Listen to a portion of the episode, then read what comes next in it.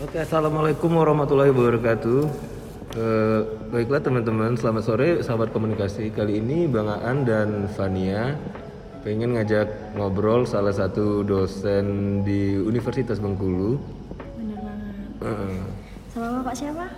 eh, kalau kita langsung kenalan aja, Evan. Iya benar. Eh, Oke, eh, makasih Bang Aan. Eh, manggilnya Dek Fani ya. Iya. Iya. Biar enak ya, ada Bang sama ada Adik. Terus saya dipanggil Om gitu ya. ya, eh, nama Agung Giri Samudra. Seperti itu saya dosen di Unip. Prodinya S1 Farmasi. Ya, mungkin itu cukup tidak Bang Aan atau perlu eh, tanggal lahir, alamat lengkap gitu Bang Aan?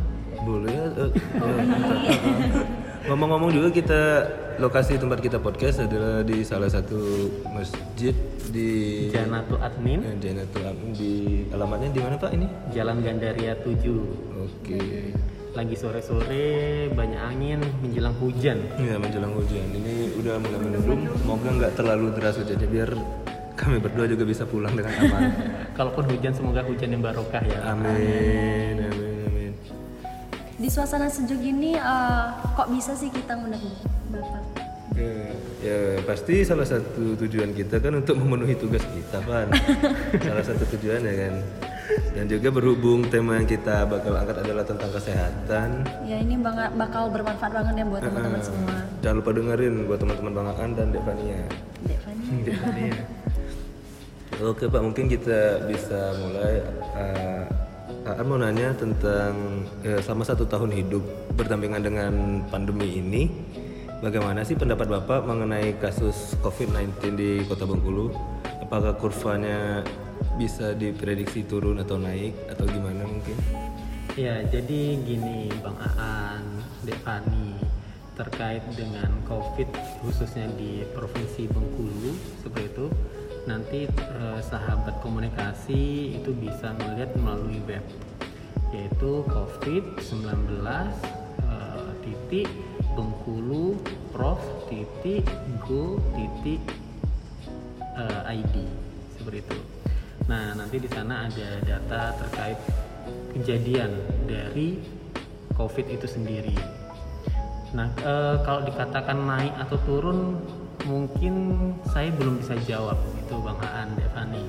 Tapi eh, kita bisa baca data dari eh, COVID yang web tadi. Contohnya misalnya saya buka ini ya. Iya, Itu di tanggal 29 Maret 2001.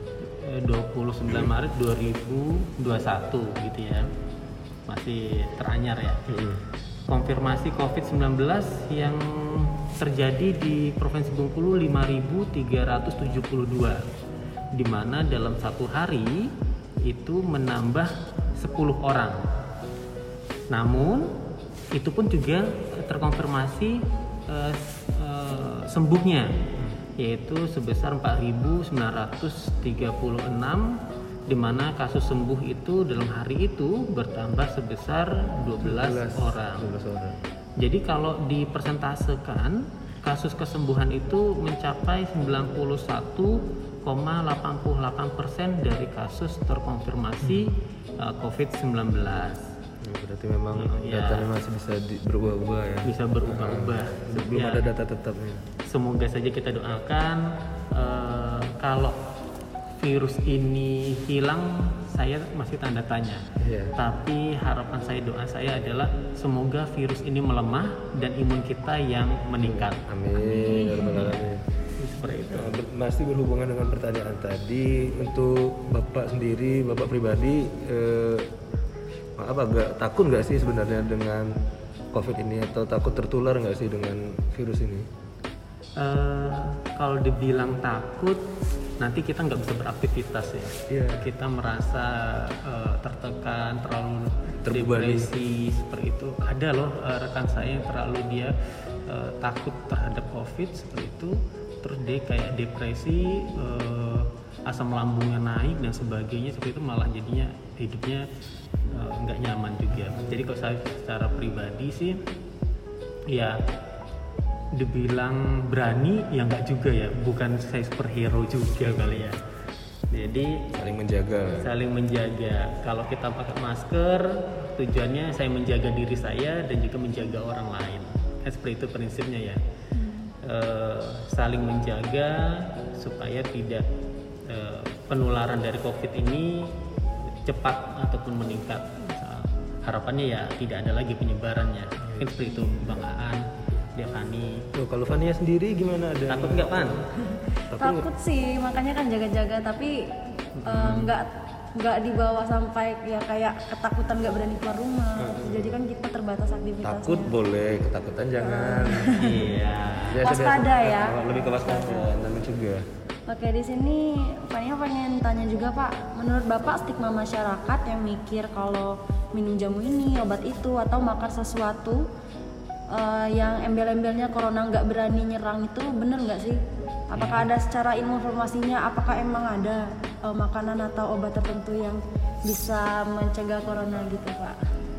Eh, terakhir tuh ada sempet hits itu empon-empon jadi sejenis kayak umbi-umbian kayak empon-empon gitu namanya Eh, bisa untuk eh, sebenarnya dianya bukan untuk spesifik terhadap covid karena penelitiannya lama ya untuk menentukan suatu jamu ataupun eh, apa ya Makanan. eh, makanan yang spesifik untuk menghambat dari COVID itu perlu penelitian yang lama juga. Tapi eh, mungkin yang bisa saya memberikan apa informasi yaitu mungkin dengan cara dengan makanan bergizi dan seimbang. Mungkin seperti itu. Ataupun yang bisa meningkatkan imun kita juga ya? Iya, ataupun dengan eh, maksud saya eh, terkait dengan bergizi dan seimbang ada makanan pokoknya, lauk pauk, buah-buahan, sayur-sayuran, nah seperti itulah. Soal kan juga ada teman yang pernah kena itu. Mm-mm. Dia itu kayak ada minum teh tehan gitu pak. Teh herbal gitu. Apa? Sungkai? nggak lupa Apa? minum teh gitu. Hmm. untuk jaga imun katanya. Karena dia tuh udah sempat kena dulu. Hmm, hmm. untuk dia selalu konsumsi itu biar meningkatkan imunnya juga. Alhamdulillah Mat, udah sembuh sekarang. Nah iya benar. Eh, jadi kalau di farmasi itu namanya imunodulator, yaitu sua- makanan yang di mana bisa makanan atau minuman kayak gitu ya, yang dia bisa meningkatkan sistem imun imunnya kita. Seperti. Dan namanya imunodulator eh, dengan tujuan meningkatnya imun dari kita sehingga kalau ada benda asing ataupun senyawa asing yang dianggap uh, berbahaya bagi tubuh, tubuh meresponnya dengan cekatan. Ya mirip kayak inilah. Kalau dalam kehidupan sehari-hari kayak bala tentaranya. Gitu. Jadi kalau ada orang yang masuk kira-kira dan itu membahayakan, bala tentaranya sigap, insya Allah aman tubuhnya. Kayak gitulah bahasa sehari-harinya. Kasih ya Pak infonya. Terus selanjutnya menurut Bapak bagaimana sih implementasi protokol kesehatan sebagai pencegah COVID-19 dalam masyarakat Kota Bengkulu? Apakah sudah sesuai? Jika ada kendala, sebenarnya apa sih Pak yang menyebabkan masyarakat lalai terhadap hal tersebut gitu? Ya, eh, jadi saya jawab salah satu deh Fania itu kayaknya pertanyaan yang beruntut. Tadi Dek Fani bilangnya di kota Bengkulu Iya, seperti itu ya. Sekitar du- eh, tiga minggu yang lalu saya ke Jogja, saya gunakan eh, pilihan saya ke Jogja, saya gunakan mobil pribadi dengan tujuannya ada mengurangi kontak eh, ketemu dengan ya misalnya pesawat transit ketemu dengan banyak orang gitu jadi saya gunakan mobil pribadi. Perjalanan. Dari pengalaman saya itu saya eh, sholat Jumat di Kaur. Seperti itu. Di sana cuma saya sendiri yang pakai masker Devani saya ngelihat ini jadinya anehnya kok saya sendiri jadi. Ya karena pakai masker sendiri Iya, tadi. Iya. jelas nggak ada satupun yang pakai masker kecuali saya. Seperti itu. Pengamatan itu oke itu waktu itu saya saya cuma cuman eh, saya catat aja dalam hati terus eh, lanjut saya sampai di eh, Bandung dan juga di Jogja. Eh, Jogja itu biasanya kotanya kota malamnya selalu hidup kayak Iya. gitu ya. Suasana hidup. Tapi pada saat kejadian covid seperti itu eh, kebijakannya adalah jam 9 malam itu sudah seperti kayak jam satu malamnya di Jogja. Sepi sunyi. Nah itu itu contohnya. Lalu eh, saya pulang ke Bengkulu dan saya mampir ke mana eh, saya tanya salah satu dari penjual apa kue yang di mana itu. Ya itulah pokoknya. Eh, saya tanya sama mereka bu di sini eh, apa nggak ada kebijakan gunakan masker? Jawaban dari si penjual itu saya masih ingat. "Eh, pak kalau di sini kan eh, udaranya masih seger banyak pohon-pohon gitu. jadi eh, kurang lebih covidnya ya hilang kurang lebih kayak gitulah. Oke dan saya oke oke. Jadi, tapi di antara itu penjual tuh nggak ada yang pakai masker. Nah, itu itu sih dari salah satu pertanyaan yang saya tanya sama dia. Tapi eh, jadilah catatan dalam diri oh ya seperti itu ya. Nah kembali lagi ke pendidikan terkait dengan kota Bengkulu seperti apa? Nah dari perjalanan saya tadi itu bisa kita rangkum di Bengkulu di kota Bengkulu oke ada yang gunakan masker ada yang eh, tidak ada yang daerah eh sama sekali tidak gitu ya. Eh, dibandingkan dengan kota yang besar seperti itu atau kota apa ya? Ya kota Jogja lah gitu ya gitu ya. Itu dia men- eh, mengikuti protokol betul dan jaga jarak. Jadi kembali lagi ke masing-masing kali ya silakan disimpulkan saja Ya. Oke, mungkin Aan juga mau nanya lagi nih ke Bapak dan kurang banyak lebih banget pertanyaannya ya Itulah, kurang lebih sama juga kayak yang Fania tadi, cuma ini lebih fokusnya itu kayak ke tempat-tempat makan. hmm. Eh, bu- bagaimana pendapat Bapak tentang yang kafe atau tempat makan yang tidak mentaati protokol, sedangkan berdasarkan syarat di surat surat keizinan keramaian maksimal pengunjung itu 50% dari biasanya atau sebelum adanya COVID-19. Oke, memang ada beberapa kafe tempat makanan yang dianya mendukung terkait dengan peraturan tersebut, di mana meja ataupun tempat nah, kursinya itu sudah disilang-silang seperti itu ya, dengan tujuannya adalah sebenarnya mengurangi kapasitas dari 50% menjadi 50%. Tapi ada juga yang tidak seperti itu.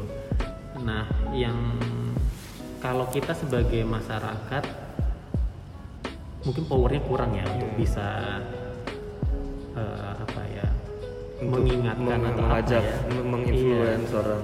Iya, powernya mungkin kurang, tapi eh, mungkin kita semuanya bisa saling mengingatkan mulai dari diri sendiri, kan gitu ya.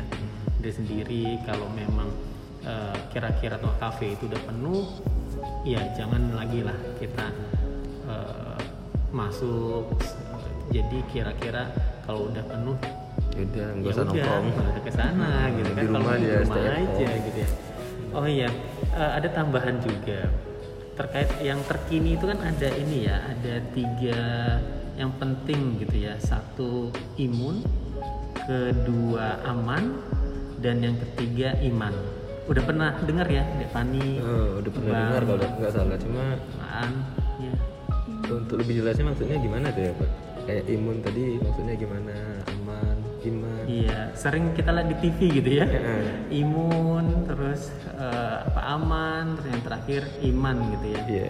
Ya terkait dengan imun, yaitu yang pertama eh, memastikan kesehatan dan daya tahan di tengah pandemi dengan cara rutin melakukan aktivitas fisik seperti itu ya. Berolahraga gitu. Oh ya olahraga Eh, tiap pagi pemanasan di rumah pun itu saya rasa sih udah cukup. Dan kedua juga terkait dengan imun itu beristirahatnya yang cukup antara 7 sampai 8 jam. Kalau waktunya istirahat ya istirahat aja gitu ya.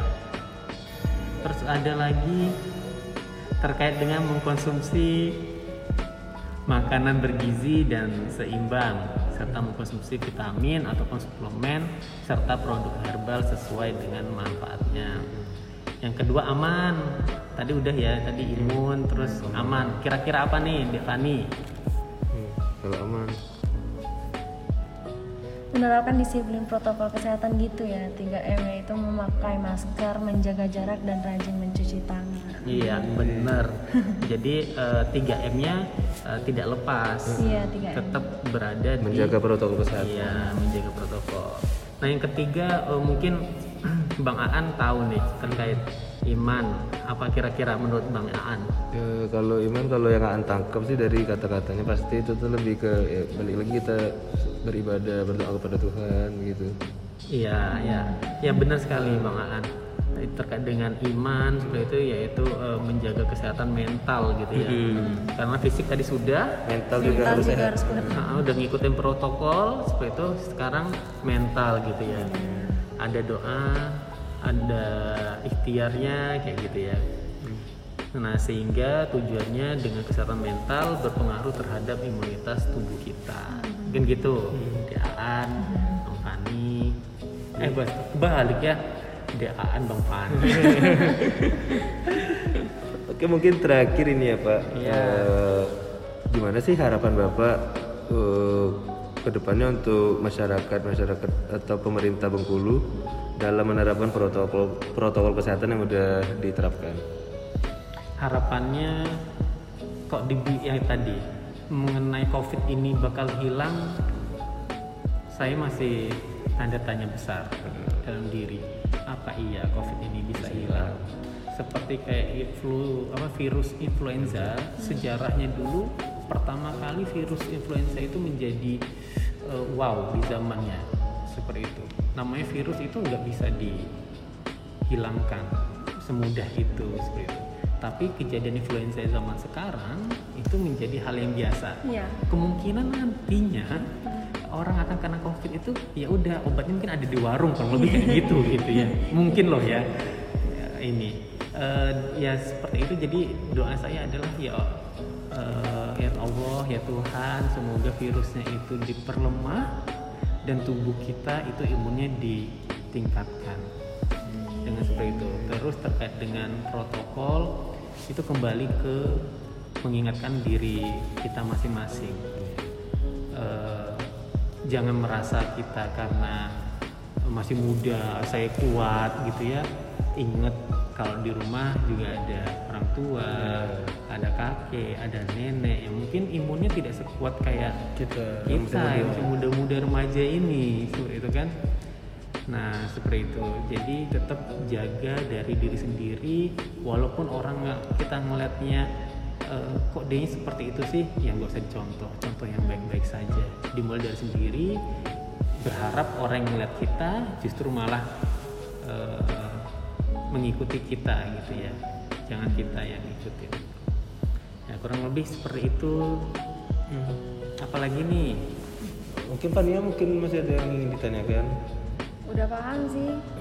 Juga udah. Stay safe ya buat kita semua. Jangan lupa untuk patuhi terus protokol kesehatan di mana pun kita berada. Waspada juga. Eh, tapi tetap jalani aktivitas sehari-hari kita dengan nyaman ya, nyaman dan indah. Pokoknya kita harus tetap menjalani aktivitas kita, tetap bekerja, tetap itu tapi Tetap asal melakukan hal-hal positif. Jangan sampai karena pandemi kita terbatas langkah gitu. Nah, mungkin Aan nih Pak yang ada mau tambahan dikit nanya tentang soal vaksin, vaksinasi COVID-19. Oh iya. Ya sekarang lagi ini ya tinggal nunggu gil- giliran ya. Iya. Siap-siap ayo di absen satu-satu. Bakal kena divaksin. Istri saya sudah sudah divaksin karena beliau eh, orang kesehatan. Jadi beliau eh, istri saya dulu yang dapat vaksin. Setelah itu nanti guru dan dosen ya kayaknya. Eh, oke eh, vaksin vaksin COVID-19 kita bahas satu-satu dulu terkait dengan vaksin itu sendiri jadi vaksin itu maksudnya Bang Aan yaitu produk biologi yang berisi antigen yang akan menimbulkan kekebalan spesifik agar seseorang terhindar dari penularan ataupun kemungkinan sakit berat. Nah, itu ter- jadi si vaksin itu adalah produknya. Nah, terus eh, kalau vaksinasi itu apa? Ya, itu hal yang berbeda. Kalau vaksin tadi ada produknya, kalau vaksinasi itu adalah prosesnya. Proses dalam tubuh di mana seseorang menjadi kebal atau terlindungi dari suatu penyakit setelah menerima vaksin. Seperti itu ya. Jadi eh, kalau ilustrasinya kayak gini, Eh, kalau imun kita itu ada bala tentara tadi seperti itu, jadi ada eh, orang asing ataupun senyawa asing yang dia datang, nah bala tentara tadi dianya eh, mencoba untuk melumpuhkan yang senyawa asing ataupun orang asing tadi datang itu ya. Nah, eh, senyawa asing ataupun orang asing tadi masuk itu dibuat semirip mungkin dengan si COVID-19. Ada beberapa eh, bahasa yaitu eh, virus yang dilemahkan kayak gitu ya. Jadi dianya mirip tampilannya kayak gitu. Nah, bala tentara ini udah latihan nih atau imun kita udah latihan nih. Nah, harapannya ketika terpapar eh, COVID itu bala tentara kita sudah tahu strateginya untuk menghadapi COVID, si virus tadi, virus tadi. ataupun senyawa ataupun orang lain orang asing tadi. Nah kurang lebih kayak gitu terkait dengan eh, Vaksinasi. vaksinasi. Eh, eh, kalau dari tujuannya sendiri sih, eh tujuan untuk vaksinasi, eh tujuan vaksinasi itu sendiri Gimana? gimana sih maksudnya pak? Eh, tujuannya itu selain untuk ya mengurangi orang-orang yang terkena virus COVID-19 ini. Oke, sebelum tak habisin pertanyaannya atau tak habis jawabannya, mungkin Dek Fani tahu dulu nih, kira menurut Dek Fani sendiri itu kira-kira apa ya? Eh, kalau menurut Fania sih vaknis- vaksinasi COVID-19 ini ya pertama mengurangi penularan COVID-19 itu sendiri ya. Hmm, ya, good, good, benar, benar. Kedua, menurunkan angka kesakitan dan kematian akibat COVID- COVID-19 ini. Ya. Terus mencapai kekebalan kekebalan kelom- kelompok di masyarakat gitu. Jadi Nah. kita kebal karena vaksin gitu Ya, Pak. jadi Iya. tadi udah disebutin Dek Fani itu udah ada tiga ya. Iya. Satu, mengurangi Mengurangi penularan dari COVID sendiri. Yang kedua, menurunkan angka Kesakitan. Iya, kesakitan dan kematian akibat COVID. Nah, Yang ketiga, mencapai kekebalan kelompok di masyarakat. Nah, kira-kira eh, kalau menurut saya sih ada lima seperti itu. Nah, mungkin eh, Bang Aan Tambahan. ada nggak kira-kira tambahan satu dulu? Nanti saya yang terakhir aja. Eh, kalau dari ya mungkin sih uh, untuk bisa melindungi dan memperkuat sistem kesehatan secara menyeluruh. Nah, Karena ada di vaksin tadi. Iya, berarti udah 4 poin ya. Iya. Nah, yang kelima itu yaitu melindungi masyarakat dari COVID-19 agar tetap produktif secara sosial dan ekonomi. Benar banget. Mungkin seperti itu terkait dengan tujuan vaksinasi COVID-19. Oke, mungkin segitu dulu obrolan kita obrolan Bang Aan, Devania sama Agung. Ya. Terima kasih banyak Pak atas semua infonya. Semoga Makasih. kita semua Ya, aman aman dan dan tetap menjalankan aktivitas seperti tujuan nomor 5 tadi Iya. supaya sosial dan ekonomi kita juga nggak terganggu ya karena Amin. COVID-19 Amin ya Rob. Baiklah sahabat komunikasi, sekian obrolan Bang Aan dan Devania tadi. Assalamualaikum warahmatullahi wabarakatuh. Waalaikumsalam.